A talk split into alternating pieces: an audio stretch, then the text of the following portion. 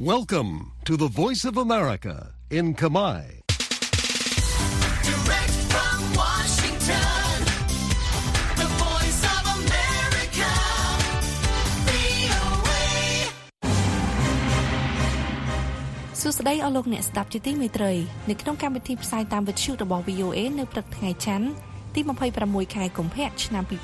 2024ខ្ញុំស្រីអ្នកកេណានិងសហការីក្រុមផ្សាយខេមរៈភាសានៃ VOA សូមស្វាគមន៍អស់លោកអ្នកស្ដាប់ពីរដ្ឋធានី Washington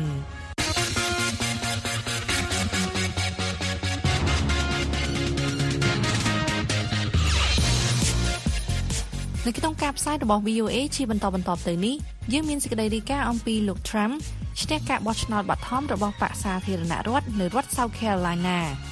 កម្ពុជារៀបចំការបោះឆ្នោតប្រសិទ្ធភាពដែលលោកហ៊ុនសែននឹងក្លាយជាប្រធានស្ថាប័នកម្ពុជាមួយនេះ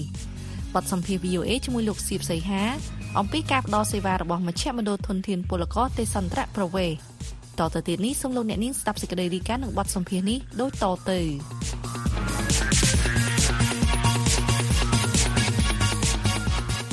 អតីតប្រធានាធិបតីសហរដ្ឋអាមេរិកលោក Donald Trump បានឈ្នះការបោះឆ្នោតបឋមរបស់គណៈបកសាធារណរដ្ឋនៅរដ្ឋ South Carolina កាលពីថ្ងៃសៅរ៍សប្តាហ៍មុនដោយយកឈ្នះលើអតីតអាយគ្គរដ្ឋទូតសហរដ្ឋអាមេរិក ប្រចាំអង្គការសហប្រជាជាតិអ្នកស្រី Nikki Haley អ្នកស្រី Haley បានបដិញ្ញាបន្តយុទ្ធនាការរបស់អ្នកស្រីរហូតដល់ការបោះឆ្នោតបឋមនៅក្នុងរដ្ឋជាច្រើនក្នុងថ្ងៃតែមួយដែលហៅថា Super Tuesday នៅដើមខែមីនាខាងមុខបេក្ខជនដែលត្រូវបានជ្រើសតាំងជាបេក្ខជនប្រធានាធិបតីខាងគណៈបកសាធារណរដ្ឋនឹងត្រូវប្រជែងនឹងលោកប្រធានាធិបតី Joe Biden ខាងគណៈបកប្រជាធិបតេយ្យនៅក្នុងការបោះឆ្នោតប្រធានាធិបតីនៅខែវិច្ឆិកាខាងមុខ អ្នកស្រី Catherine Gibson អ្នកឆ្លើយឆ្លងព័ត៌មានរបស់ VOA ប្រចាំសភាអាមេរិករាយការណ៍អំពីរឿងនេះពីទីក្រុង Charleston រដ្ឋ South Carolina ហើយនាងខ្ញុំស្រីអ្នកខេណាជួនសេចក្តីប្រាយសម្រួល Please welcome the next president of the United States, President Donald J. Trump. អតីតប្រធានាធិបតីអាមេរិកលោក Donald Trump បានឈ្នះការបោះឆ្នោតបឋមនៅរដ្ឋ South Carolina ដែលជាជ័យជំនះមួយទៀតសម្រាប់លោក លោកបានថ្លែងថា An even bigger win នេះ than គឺជាជ័យជំនះមួយដែលធំជាងការរំពឹងទុករបស់យើងទៅទៀតអ្នកស្រី Nikki Haley ដែលជាគូប្រជែងរបស់លោក Trump ដើម្បីដណ្ដើមការតែងតាំងជាបេក្ខជនប្រធានាធិបតីខាងគណៈបកសាធារណរដ្ឋបានបរាជ័យក្នុងការបោះឆ្នោតបឋមនៅក្នុងរដ្ឋ South Carolina នេះដែលជារដ្ឋកំណើតរបស់អ្នកស្រីប៉ុន្តែអ្នកស្រីថានឹងបន្តយុទ្ធនាការទៅមុខទៀតដោយលើកហេតុផលថាអ្នកបោះឆ្នោតជាច្រើននៅក្នុងការបោះឆ្នោតបឋមរបស់បកសាធារណរដ្ឋចង់បានជំរឿសផ្សេងទៀត អ្នកស្រី Haley ចាត់ទុកខ្លួនអ្នកស្រីជាជំរឿសផ្សេងសម្រាប់អ្នកបោះឆ្នោតដែលមិនចង់ឃើញការបោះឆ្នោតដែលមានលោក Trump និងលោក Biden តទល់គ្នានៅខែវិច្ឆិកាខាងមុខដោយអ្នកស្រីថាអ្នកស្រីមានវ័យក្មេងជាងនិងមានថាមពលជាងលោក Trump លោក Scott Reeves ដែលជាអ្នកគាំទ្រលោកស្រី Haley ថ្លែងថា She was a good um, អ្នកស្រីធ្លាប់ធ្វើជាតំណាងសហរដ្ឋអាមេរិកបានយ៉ាងល្អនៅអង្គការសហប្រជាជាតិហើយខ្ញុំគិតថាអ្នកស្រីមានប្រវត្តិល្អខាងគោលនយោបាយការបរទេស អ្នកស្រីនឹងជាមេដឹកនាំដ៏ល្អដែលមានវ័យស័ក្តិសមនឹងធ្វើជាមេដឹកនាំអ្នកបោះឆ្នោតនៅរដ្ឋ South Carolina ផ្សេងទៀតរិះគន់អ្នកស្រីថាស្ថិតនៅក្នុងចំណោមអ្នកនយោបាយដែលប្រកាន់ផ្នត់គំនិតចាស់របស់បកសាធារណរដ្ឋអ្នកស្រី Candace Haas ដែលជាអ្នកបោះឆ្នោតនៅរដ្ឋ South Carolina ថ្លែងថាមតិរបស់អ្នកស្រី Haley ប្រែប្រួលផ្អែកទៅលើអ្នកណាដែលបរិច្ចាគថវិកាច្រើនជាងគេក្រុមអ្នកគាំទ្រលោក Trump នៅរដ្ឋ South Carolina ថាកិច្ចប្រឹងប្រែងរបស់លោក Trump សម្រាប់ការបោះឆ្នោតឆ្នាំនេះ មិនមែនដើម្បីអំណាចនោះទេប៉ុន្តែដើម្បីប្រជាពលរដ្ឋលោក Mike Daytre អ្នកគាំទ្រលោក Trump បានថ្លែងថា go back to um, better economy. ត្រឡប់ទៅសេដ្ឋកិច្ចដែលល្អជាងនេះនឹងសេរីភាព កិច្ចឲ្យឆ្ងាយពីអ្នកដែលប្រព្រឹត្តបទឧក្រិដ្ឋដូចជារដ្ឋាភិបាលអាមេរិកបច្ចុប្បន្ននេះជាដើមបើអ្នកស្រី Haley ឈ្នះនៅក្នុងរដ្ឋកំណើតរបស់អ្នកស្រីនេះវាអាចជួយជំរុញដល់បេក្ខភាពរបស់អ្នកស្រីប៉ុន្តែទោះជាយ៉ាងណាក៏ដោយអ្នកស្រីទន្ទឹងរង់ចាំការបោះឆ្នោតបឋមនៅក្នុងថ្ងៃតែមួយរបស់រដ្ឋចំនួន15និងដែតដីមួយនៅដើមខែមីនាខាងមុខដែលអ្នកឈ្នះឆ្នោតនៅក្នុងការបោះឆ្នោតទាំងនេះនឹងទទួលបានប្រតិភូជាង1ភាគ3ដែលត្រូវការដើម្បីបានការតែងតាំងជាបេក្ខជនប្រធានាធិបតីខាងគណៈបកសាធារណរដ្ឋ អ្នកស្រី Flo Phillips ដែលជាអ្នកគាំទ្រអ្នកស្រី Haley នៅរដ្ឋ South Carolina ថាអ្នកស្រី Haley នឹងទទួលបានការគាំទ្រទូលំទូលាយនៅទូទាំងប្រទេសដោយសារតែអ្នកស្រី Haley មិននិយាយអាក្រក់ពីគេឯងហើយថាអ្នកស្រី Haley គឺជាមនុស្សឆ្លាតអ្នកបោះឆ្នោតនៅរដ្ឋ South Carolina ខ្លះថាទោះបីលោក Trump នាំមុខក៏ដោយក៏សំណុំរឿងប្រមត្តន4ប្រឆាំងនឹងលោកនៅតុលាការអាចនឹងកែប្រែស្ថានភាពលោក Mike Kelch អ្នកបោះឆ្នោតនៅរដ្ឋ South Carolina មួយរូបថ្លែងថា What if they put him in ចុះ jail? បើគេចាប់លោកដាក់ពន្ធនាគារមុនបោះឆ្នោតនឹងមានអ្វីកើតឡើងទៅនោះមានន័យថាអ្នកស្រី Haley អាចជាបេក្ខជនប្រធានាធិបតីខាងបកសាធារណរដ្ឋប៉ុន្តែខ្ញុំមិនច្បាស់ទេលោក Kelch និងភរិយាបានរិះគន់ទៅលើសំណុំរឿងប្រឆាំងនឹងលោក Trump ទាំងនេះប៉ុន្តែមិនបាននិយាយថាពួកគេបោះឆ្នោតឲ្យអ្នកណានោះទេពីរដ្ឋធានី Washington ខ្ញុំស្រីអ្នកខេណា VOA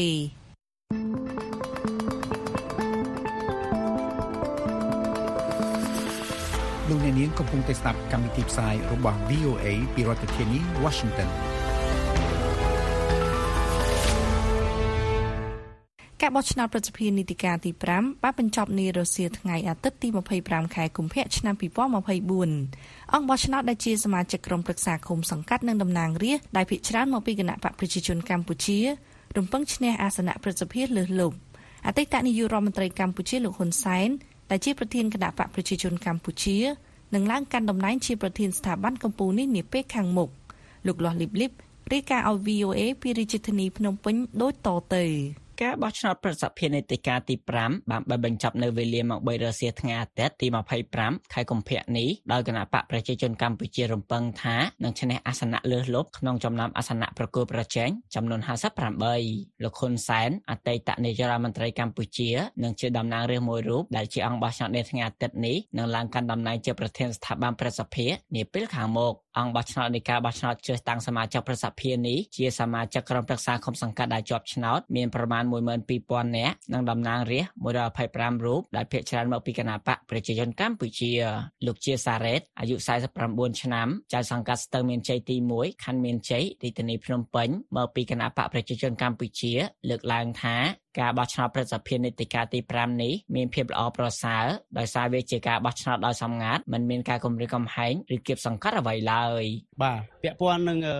នីតិកាលទី5នៃព្រឹទ្ធសភានេះគឺខ្ញុំមានគោលបំណងមួយគឺថាចង់ធ្វើយ៉ាងណារួមគ្នាទាំងព្រឹទ្ធសភាក្តីទាំងរដ្ឋសភាក្តីប្រជាពលរដ្ឋទាំងអស់សំខាន់គោលដៅដែលខ្ញុំចង់បានគឺខ្ញុំចង់បានគឺសន្តិភាពឲ្យបានគង់វង្សជាអមតៈទី1ទី2ខ្ញុំចង់ឲ្យមានការអភិវឌ្ឍឲ្យបានល្អថែមទៅមុខទៀតឲ្យប្រទេសយើងកាន់តែរីកចម្រើនទៅមុខទៀតសមាជិកក្រុមប្រឹក្សាសង្កាត់ស្ទឹងមានជ័យទី1មានចំនួន11រូបដែល8រូបមកពីគណៈបកប្រជាជនកម្ពុជានិង3រូបទៀតមកពីគណៈបកភ្លើងទៀននេះបើតាមលោកជាសារ៉េតការបោះឆ្នោតប្រសិទ្ធភាពអាណត្តិនេះមានការចូលរួមពីគណៈបកជំទាស់គឺគណៈបកឆន្ទៈខ្មែរតំណាងឲ្យគណៈបកភ្លើងទៀនដែលប្រកួតប្រជែងជាមួយគណៈបកខណ្ឌអំណាច លោកហងវ៉ាន់នីអាយុ66ឆ្នាំចៅសង្កាត់រងទី2នៃសង្កាត់ព្រែកភ្នៅខេមព្រែកភ្នៅរាជធានីភ្នំពេញមកពីគណៈបកភ្លើងទៀនថ្លែងថាលោកចង់បានតំណាងមួយរបស់គណៈបកជំទាស់នៅក្នុងថ្នាក់ជាតិបើមានអាចមានអានឹងយើងអាចអឺងាយស្រួលសហការគ្នាដើម្បីយើងក្នុងជួរគណៈបកនីមួយមួយៗ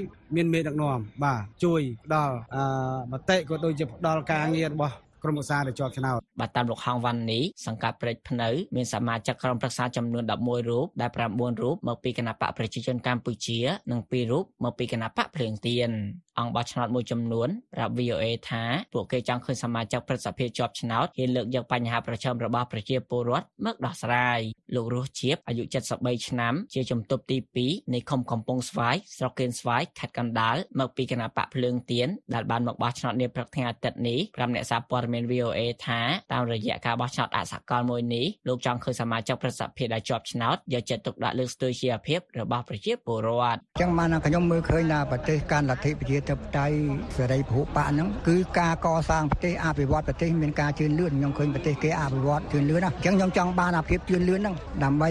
ប្រទេសជឿនលឿនផងអានេះដើម្បីជីវភាពប្រជាពលរដ្ឋលើកស្ទួយជីវភាពប្រជាពលរដ្ឋផងដោយសារការដឹកនាំរបស់រដ្ឋាភិបាលអង្គបោះឆ្នោតម្នាក់ទៀតដែលជាក្រុមប្រឹក្សាឃុំបន្ទាយដែកស្រុកគៀនស្វាយខេត្តកណ្ដាលមកពីគណៈបកភ្លើងទៀនលោកសឹមមើនចង់ឃើញសមាជិកព្រឹទ្ធសភាយកបញ្ហាពលរដ្ឋទៅជជែកដោះស្រាយក្នុងព្រឹទ្ធសភានិងរដ្ឋសភារាល់ការខ្វះខាតការលំបាករបស់ពលពលរដ្ឋគាត់នឹងហ៊ានជជែកនៅក្នុង ព្រឹទ្ធសភានៅក្នុងរដ្ឋសភាអីបានចំណែកអ្នកស្រីវ៉ាប៉ាច់ក្រុមប្រឹក្សាឃុំសម្បួរមាសស្រុកមុខកំពូលខេត្តកណ្ដាលដែលមកបោះឆ្នោតនៅភូមិភាគ3ក្នុងខេត្តកណ្ដាលបានសរសើរចំពោះការអភិវឌ្ឍនិងការយកចិត្តទុកដាក់របស់គណៈបកប្រជាជនកម្ពុជាដែលអ្នកស្រីផ្ដល់ក្តីសង្ឃឹមថាគណៈបកប្រជាជនកម្ពុជានឹងទទួលបានអាសនៈប្រសិទ្ធភាពច្រើនលើសលប់បន្តទៀតចាខ្ញុំឃើញថាគណៈបព្វជិជនគាត់អភិវឌ្ឍបានច្រើនអញ្ចឹងណាអញ្ចឹងធ្វើឲ្យប្រជាពលរដ្ឋគាត់សប្បាយចិត្តច្រើនទាំងខ្ញុំ ទាំងគេការបោះឆ្នោតប្រសិទ្ធភាពនេះធ្វើឡើង6ឆ្នាំម្ដងសម្រាប់មួយអាណត្តិកាលពី6ឆ្នាំមុនការបោះឆ្នោតជ្រើសតាំងសមាជិកប្រសិទ្ធភាពនេះមិនមានវត្តមានគណៈបកជំទាស់ឡើយដោយសារការរំលាយគណៈបកសង្គ្រោះជាតិហើយអង្គបោះឆ្នោតដែលជាប់ឆ្នោតរបស់អតីតគណៈបកសង្គ្រោះជាតិត្រូវបែងចែកឲ្យគណៈបកកាន់អំណាចគណៈបកនយោបាយចំនួន4បានចូលរួមប្រគល់ប្រជែងការបោះឆ្នោតនាថ្ងៃអាទិត្យនេះរួមមានគណៈបកប្រជាជនកម្ពុជាគណៈបកឆន្ទៈខ្មែរគណៈបកហ៊ុនស៊ិនប៉ាច់និងគណៈបកកម្លាំងជាតិគណៈបកប្រជាជនកម្ពុជាត្រូវបានមើលឃើញថានឹងឈ្នះអាសនៈភាគច្រើនបើទោះមានគណៈបកជំទាស់មួយចំនួនចូលរួមប្រគល់ប្រជែងក៏ដោយនៅក្នុងការបោះឆ្នោតនេះគណៈបកឆន្ទៈខ្មែររំពឹងថានឹងទទួលបានអាសនៈប្រសិទ្ធភាពចំនួន9ទៅតាមចំនួនក្រុមប្រឹក្សាដែលខ្លួនមានជាង2000នាក់ ខេត្តកណ្ដាលគឺជាភូមិភាគ3ដែលមានអង្គបោះឆ្នោតសរុប926នាក់ដែលភាគច្រើនមកពីគណៈបកប្រជាជនកម្ពុជា ចំពោះលទ្ធផលបឋមដែលមន្ត្រីរៀបចំការបោះឆ្នោតរាប់នៅក្នុងការិយាល័យចំនួន2នោះគឺគណៈបកប្រជាជនកម្ពុជាទទួលបានសម្លេងគាំទ្រជាង770សម្លេងគណៈបកឆន្ទៈខ្មែរទទួលបាន130សម្លេងគណៈបកហ៊ុនស៊ីមប៉ាច់ទទួលបាន4សម្លេងនិងគណៈបកកម្លាំងជាតិទទួលបាន12សម្លេងនេះបើតាមការរាប់សន្លឹកឆ្នោតជាក់ស្ដែងនៅក្នុងភូមិភាគ3នោះអគ្គលេខាធិការគណៈបកភ្លើងទៀនលោកលីសុធិរាយុទ្ធប្រាប់ VOA ក្រោយការបោះឆ្នោតថាក្នុងខេត្តកណ្ដាលនេះគណៈបកឆន្ទៈខ្មែរដែលជាគណៈបកសម្ព័ន្ធភាពរបស់គណៈបកភ្លើងទៀនមិនទទួលអាសនៈដោយការរំពឹងទុកនោះទេដោយសារអង្គបោះឆ្នោតមួយចំនួនមិនបានបោះឆ្នោតគ្រប់គ្រងដល់គណៈបកឆន្ទៈខ្មែរលោកប្រាប់ VOA ជាអក្សរតាមប្រព័ន្ធទំនាក់ទំនង Telegram ថាអង្គបោះឆ្នោតមានចំនួន187រូបតាមលទ្ធផលមកយើងទទួលបានតែ130សំឡេងដូច្នេះយើងអាចមិនបានទទួលអាសនៈនេះគឺជាលទ្ធផលបឋមតែប៉ុណ្ណោះលោកហ៊ុនសែនប្រធានគណៈបកប្រជាជនកម្ពុជាដែលជាអង្គបោះឆ្នោតមួយរូបក្នុងនាមជាតំណាងរាស្ត្រមណ្ឌលខេត្តកណ្ដាលក៏បានមកបោះឆ្នោតនៅក្នុងភូមិភាគ3នាព្រឹកថ្ងៃអាទិត្យនេះដែរ នៅមុនពេលចុះចេញពីតំណែងជានាយករដ្ឋមន្ត្រីលោកហ៊ុនសែនធ្លាប់បានប្រកាសថាលោកនឹងក្លាយជាប្រធានប្រសិទ្ធិបន្ទាប់ពីការបោះឆ្នោតជ្រើសតាំងសមាជិកប្រសិទ្ធិដែលគណៈបករបស់លោករំពឹងថានឹងឈ្នះអាសនៈច្រើនលើសលប់បើតាមគណៈកម្មាធិការជាតិរៀបចំការបោះឆ្នោតហៅកាត់ថាកជបលទ្ធផលផ្លូវការនឹងត្រូវប្រកាសនៅថ្ងៃទី2ខែមេសាក្រោយដោះស្រាយពាក្យបណ្ដឹងរួចរាល់រាយការណ៍ពីរាជធានីភ្នំពេញខ្ញុំដោះលេបលេប VOA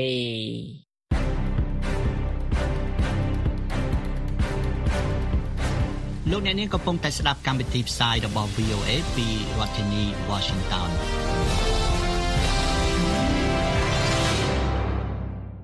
ប្រជាពលរដ្ឋជាច្រើននៅតាមបណ្ដាខេត្តនៅក្នុងប្រទេសកម្ពុជា ជាពិសេសនៅតាមបណ្ដាខេត្តជាប់ព្រំដែនតែងធ្វើចំណាក់ស្រុកទៅធ្វើការនៅប្រទេសថៃដោយមានទាំងអ្នកធ្វើចំណាក់ស្រុកមានឯកសារនិងគ្មានឯកសារជារឿយៗគេតែងលើពលករដែលធ្វើចំណាក់ស្រុកដែលគ្មានឯកសារតែងរងការឆោបបោកពីមេខ្យល់ និងប្រឈមនឹងការកេងប្រវ័ញ្ចកម្លាំងពលកម្មជាដើមនៅក្នុងបទសម្ភាសន៍ជាមួយអ្នកនាងកាន់វិជ្ជការនៃ VOA លោកសៀបសីហាអ្នកសម្របសម្រួលមជ្ឈមណ្ឌលធនធានពលករទេសន្តរប្រវេសខេត្តបន្ទាយមានជ័យបានលើកឡើងថាការប្រឹក្សាយោបល់ពីការចំណាក់ស្រុកដល់ប្រជាពលរដ្ឋនិងពលករជួយកាត់បន្ថយការធ្វើចំណាក់ស្រុកដែលគ្មានសុវត្ថិភាពសំលោកអ្នកនាងស្ដាប់បទសម្ភាសន៍នេះដូចតទៅចាសសូមជម្រាបសួរលោកសៀបសីហាបាទសូមជម្រាបសួរអ្នកស្រីវិជ្ជការចា ជាដំបូងនាងខ្ញុំសូមឲ្យលោកសីហាបកស្រាយថាតើអ្វីទៅជាមជ្ឈមណ្ឌលធនធានពលករទេសន្តរប្រវេសន៍ហើយតើមជ្ឈមណ្ឌលនេះផ្ដល់សេវាអ្វីខ្លះក្នុងរយៈពេលជិត3ឆ្នាំមកនេះចា៎មជ្ឈមណ្ឌលធនធានពលករទេសន្តររបស់អង្គការសង្ត្រាល់នឹងកាលពីឆ្នាំ2022អឺមជ្ឈមណ្ឌលនេះអឺបានចុះអនុសារណៈហើយនឹងកិច្ចសហប្រតិបត្តិការជាមួយខាងអង្គការអន្តរជាតិនៃការងារហៅកាត់ថា ILO ហើយបានបង្កើតមជ្ឈមណ្ឌលនេះឡើងគឺគោលបំណងដើម្បីផ្ដល់ព័ត៌មានតាក់ទងជាមួយនឹងសុវត្ថិភាពចំណាក់ស្រុកហើយនឹងការលើកកម្ពស់សិទ្ធិពលករហើយនឹងការកាត់បន្ថយនៃការកេងប្រវ័ញ្ចកម្លាំងពលកម្មទៅលើពលករចំណាក់ស្រុកហើយសេវាកម្មនៅក្នុងមជ្ឈមណ្ឌលធនធានពលករទេសន្តប្រវេសន៍នេះគឺយើង ធ្វើទៅលើសេវាកម្មទាំង3ទី1តកតងជាមួយនឹងការទទួលព័ត៌មានពីពលករចំណាក់ស្រុកទី2តកតងជាមួយនឹងការប្រឹក្សាយោបល់ផ្នែកចំណាក់ស្រុកដល់ពលករហើយទី3តកតងជាមួយនឹងកន្លែងជាបណ្ណាល័យហើយនឹងក៏ជាកន្លែងសិក្សាស្រាវជ្រាវសម្រាប់អង្គការដៃគូហើយនឹងអឺសិស្សនិស្សិតផងដែរហើយទី4តកតងជាមួយនឹង ការប្រឹក្សាយោបល់ផ្នែកជំនួយផ្នែកច្បាប់ដល់ពលករដែលមានបញ្ហាហើយចំណុចចុងក្រោយហ្នឹងគឺជាថ្នាលជំនួយជាកន្លែងបណ្ដុះបណ្ដាលដល់ពលករហើយនឹងយុវជនដែលជាអ្នកស្ម័គ្រចិត្តនៅតាមសហគមន៍ជាពិសេសគឺព្រឹក្សាបណ្ដោះបណ្ដាលទៅលើសិទ្ធិពលករចំណាក់ស្រុក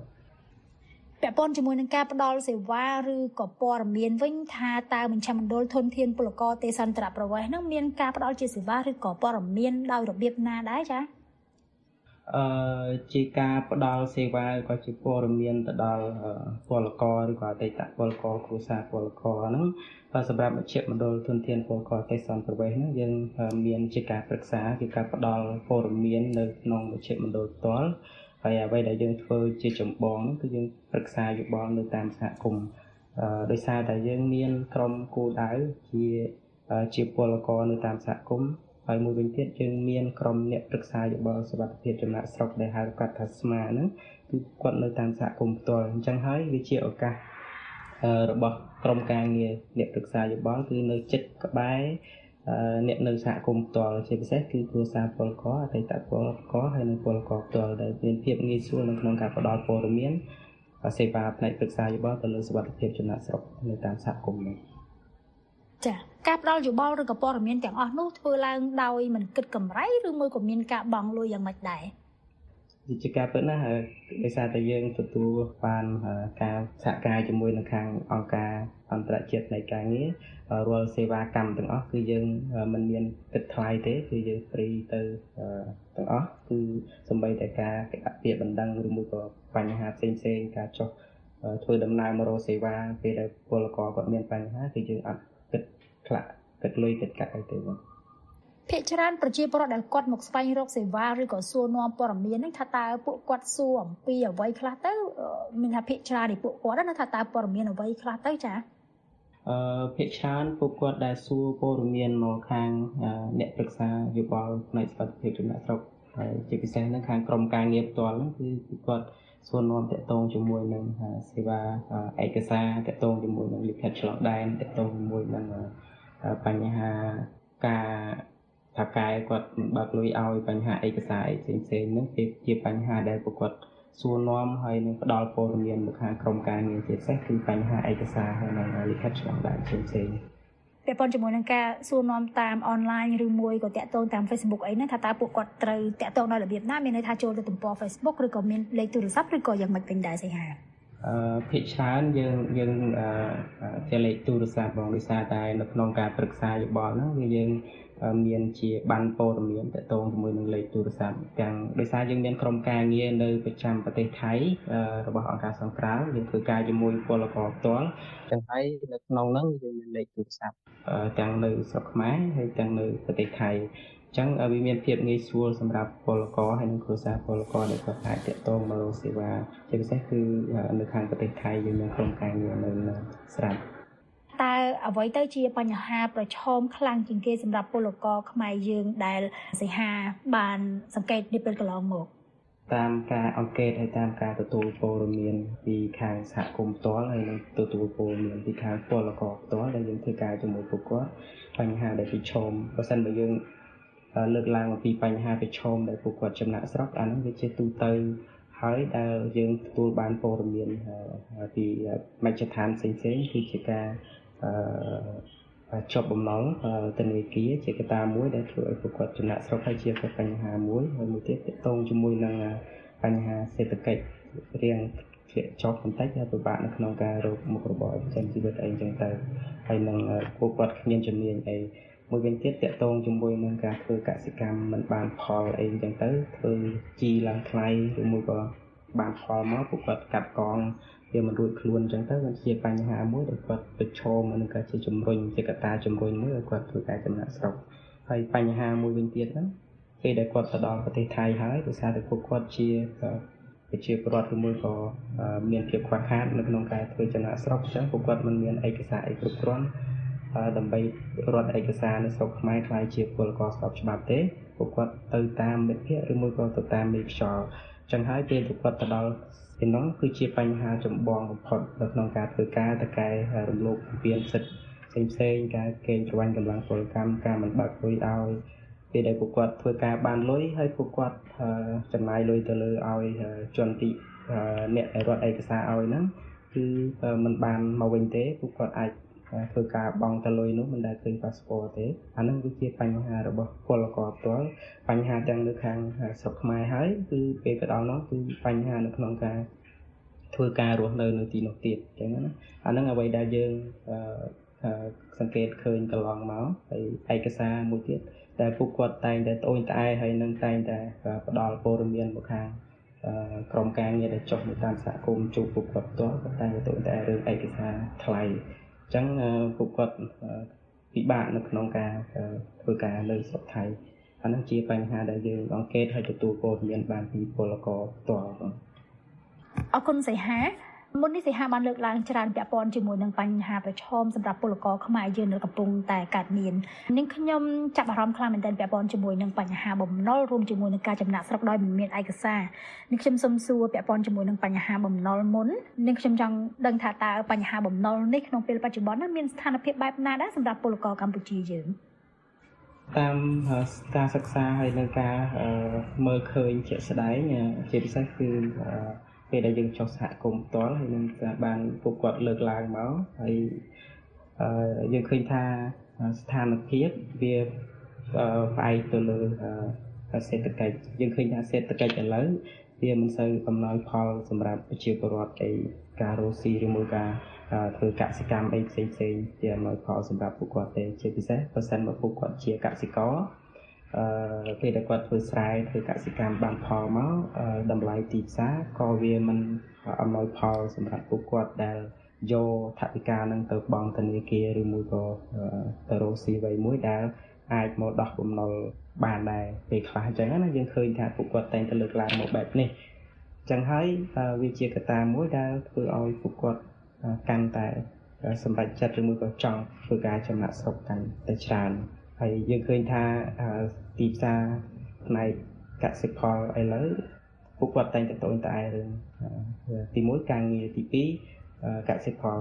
ទៅធ្វើការនៅស្រុកគេហ្នឹងគឺពួកគាត់ធ្វើការមិនមានឯកសារមួយចំនួនក៏ជាប់បំណុលគេដែរអញ្ចឹងបើសិនបើពួកគាត់ទៅធ្វើការនៅស្រុកគេហើយมันមានឯកសារហើយត្រូវបានมันបានថវិកាមកមកសងបំណុលគេទៀតហើយអានឹងវាធ្វើឲ្យ កត្តាបំណុលហ្នឹងគឺប្រជាពលរដ្ឋដែលជាពាក់បំណុលជាពិសេសពលករហ្នឹងគឺឲ្យពួកគាត់ទៅតែពិបាកទៅមុខទៀតអញ្ចឹងអានឹងតាមការអង្កេតហើយនឹងតាមការមើលស្ថានភាពជាក់ស្ដែងគឺលើកបញ្ហាមកពីពលករដែលគាត់ពួកយើងបានជួបពួកគាត់ផ្ទាល់មិនសិហាបានលើកឡើងដែរពាក់ព័ន្ធជាមួយនឹងការធ្វើចំណាក់ស្រុកដោយមិនមានឯកសារឬក៏គេហៅថាដោយគ្មានសុវត្ថិភាពអីជាដើមណាថានៅតែបន្តកើតមានជាពិសេសក៏ពាក់ព័ន្ធជាមួយនឹងបញ្ហា លុយកាក់ឬមួយក៏បំណុលអីជាដើមសេហាអាចជួយបញ្ជាក់បន្ថែមតិចបានទេថាតើនៅពេលដែលប្រជាពលរដ្ឋកម្ពុជាយើងសម្រាប់ចិត្តថាធ្វើចំណាក់ស្រុកដោយមិនមានឯកសារឬក៏គ្មានសុវត្ថិភាពទាំងដែល ខ្ញុំដឹងថាខាងសង្ត្រាល់អីជាដើមហ្នឹងក៏បានចុះទៅណែនាំឬមួយក៏អប់រំអីជាដើមពាក់ព័ន្ធជាមួយនឹងការធ្វើចំណាក់ស្រុកនេះថាតើពួកគាត់មែនតើនៅតែបន្តនៅការធ្វើចំណាក់ស្រុកហ្នឹងច្រើនទេហើយពួកគាត់ប្រឈមជាមួយនឹងបញ្ហាអ្វីខ្លះដែរនៅពេលដែលគាត់ធ្វើចំណាក់ស្រុកដោយមិនមានឯកសារឬក៏គ្មានសុវត្ថិភាពអញ្ចឹង យើងឃើញបច្ចុប្បន្នឥឡូវវាតកតងជាមួយនឹងបញ្ហាការរស់ស៊ីរបស់ពួកគាត់ដូចខ្ញុំបាននិយាយមានប្រសាសន៍ខាងដើមអញ្ចឹងគឺជាបញ្ហាមួយដែលធ្វើឲ្យពួកគាត់ចំណាក់ស្រុកអញ្ចឹងទោះចង់មិនចង់ក៏ពួកគាត់ទោះបីទៅអត់មានឯកសារយ៉ាងម៉េចក៏ពួកគាត់នៅតែព្យាយាមនៅក្នុងការធ្វើចំណាក់ស្រុកទៅដែរដោយឡែកនៅក្នុងការធ្វើចំណាក់ស្រុកទៅតាមក្រុមហ៊ុនឬមួយក៏តាមភ្នាក់ងារជ្រើសរើសអីផ្សេងៗគាត់មិនសូវចាប់អារម្មណ៍ប្រហែលទេ ដោយសារកត្តា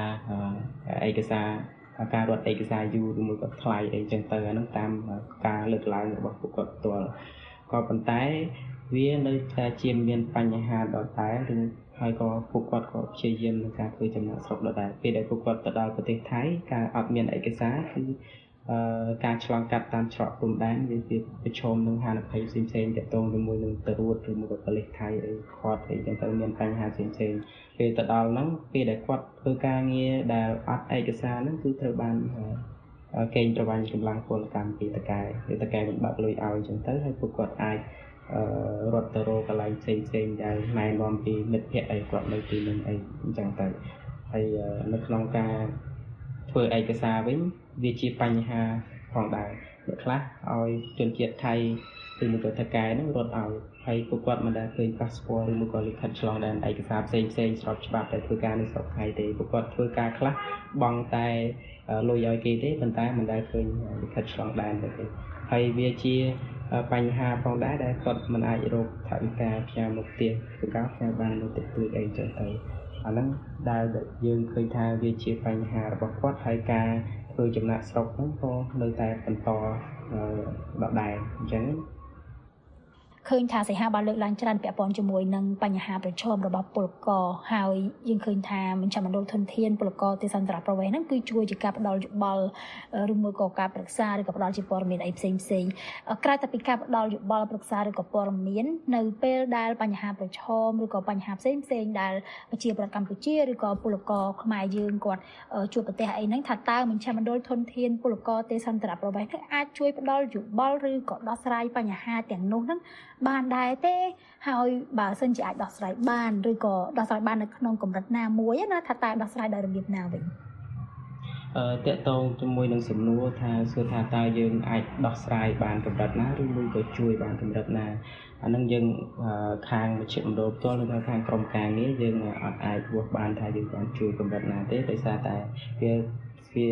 ផ្អែកទៅលើករណីដែរករណីខ្លះយើងអាចជួយពួកគាត់បានជាពិសេសគឺជាករណីដែលស្រាលឬមួយក៏ជាករណីដែលយើងអាចប្រឹក្សាដោះស្រាយបានអាហ្នឹងគឺយើងអាចដោះស្រាយបានទៅហើយករណីខ្លះវាពាក់ព័ន្ធជាមួយនឹងស្ថាប័នពាក់ព័ន្ធចូលរួមអីចឹងទៅគឺយើងទេករណីហ្នឹងទៅឲ្យខាងស្ថាប័នពាក់ព័ន្ធជាពិសេសគឺខាងអង្គការដៃគូហើយនឹងខាងជាពិសេសគឺខាង រដ្ឋអីចឹងទៅគឺដែលជាស្ថាប័នយើងធ្វើការសហការជាមួយគ្នាអញ្ចឹងទៅប៉ុន្តែសួរថាយើងអាចជួយកម្រិតណាគឺយើងមិនអាចតែបរិយាយបានថាយើងអាចជួយបានកម្រិតណាទេអានឹងស្ថិតនៅលើករណីដែរជាចុងក្រោយតើលោកមានជាសារអ្វីបន្ថែមខ្លះដែរទេពាក់ព័ន្ធទៅនឹងប្រធានបទរបស់យើង អឺខ្ញុំមានសារជាទូទៅហើយក៏ជាការសំណូមពរផងដែរសម្រាប់អ្នកដែលធ្វើការពាក់ព័ន្ធជាមួយខាងវិស័យអឺជាពិសេសគឺទៅលើពលករដែលធ្វើការចំណាក់ស្រុកបើសិនបើយើងគិតថាជាបញ្ហារបស់គាត់មូលហេតុដែលគាត់ធ្វើការចំណាក់ស្រុកអឺចង់កាត់បន្ថយនៅបញ្ហាការធ្វើចំណាក់ស្រុកហើយខ្ញុំសូមអំពោឲ្យខាងថ្នាក់ ពាក់ព័ន្ធជាពិសេសគឺអ្នកពាក់ព័ន្ធគឺឧទាហរណ៍ថាកសិកម្មមិនអំណោយផលឬគាត់ប្រឈមមុខនឹងការធ្វើចំណាក់ស្រុកអញ្ចឹងយើងអាចរកទីផ្សារការងារឬមួយក៏កសិកម្មឲ្យបានឡើងថ្លៃអីអញ្ចឹងទៅអាចសមល្មមនៅក្នុងការរកស៊ីចិញ្ចឹមជីវិតសម្រាប់ពួកគាត់នៅក្នុងប្រទេសអីអញ្ចឹងទៅហើយមួយវិញទៀតតកតងជាមួយនឹងបញ្ហាដែលពលករលើកឡើងឧទាហរណ៍ថាពួកគាត់ជ្រុលនៅក្នុងការធ្វើការចំណាក់ស្រុកហើយ ហើយពួកគាត់រស់នៅនៅក្នុងប្រទេសថៃដោយមិនមានឯកសារស្របច្បាប់ហើយសំណុំពរឲ្យអ្នកពាក់ព័ន្ធធ្វើការជាមួយពលករសូមផ្ដល់ភាពស្របច្បាប់ដល់ពួកគាត់ដើម្បីមានភាពងាយស្រួលនៅក្នុងការធ្វើការនិងការរស់នៅជាពិសេសគឺបានថវិកាដើម្បីផ្ដល់មកគ្រួសាររបស់គាត់ដែលនៅស្រុកខ្មែរហើយមួយវិញទៀតអ្វីដែលពលករលើកឡើងគឺឯកសារឡើងថ្លៃជាពិសេសគឺ passport ពួកគាត់តែងតែលើកឡើងអញ្ចឹងសូម អឺអ្នកដែលធ្វើការពាក់ព័ន្ធហ្នឹងគឺសូមជួយបញ្ចុះថ្លៃឯកសារទៅដល់ពលករដែលដែលពួកគាត់កំពុងតែធ្វើការនៅប្រទេសគោលដៅជាពិសេសគឺប្រទេសថៃហ្នឹងខ្ញុំមានតែការសារហើយនឹងជាការសំណូមពរប៉ុណ្ណឹងចា៎ខ្ញុំសូមអរគុណលោកសៀបសីហាដែលបានបកស្រាយយ៉ាងក្បោះក្បាយក្នុងបទសម្ភាសន៍សម្រាប់ពេលនេះនាងខ្ញុំសូមអរគុណនិងសូមជម្រាបលាបាទសូមអរគុណសូមជម្រាបលា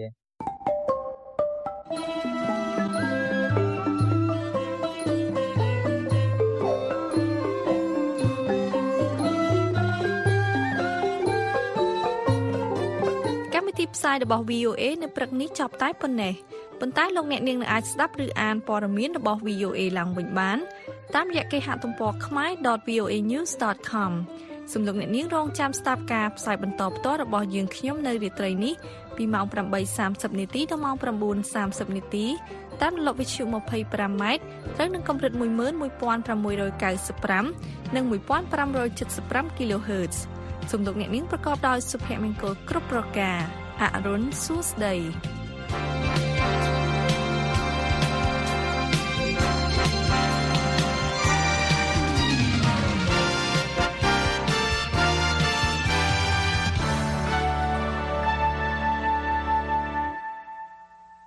This program has come to you from the Voice of America, Washington.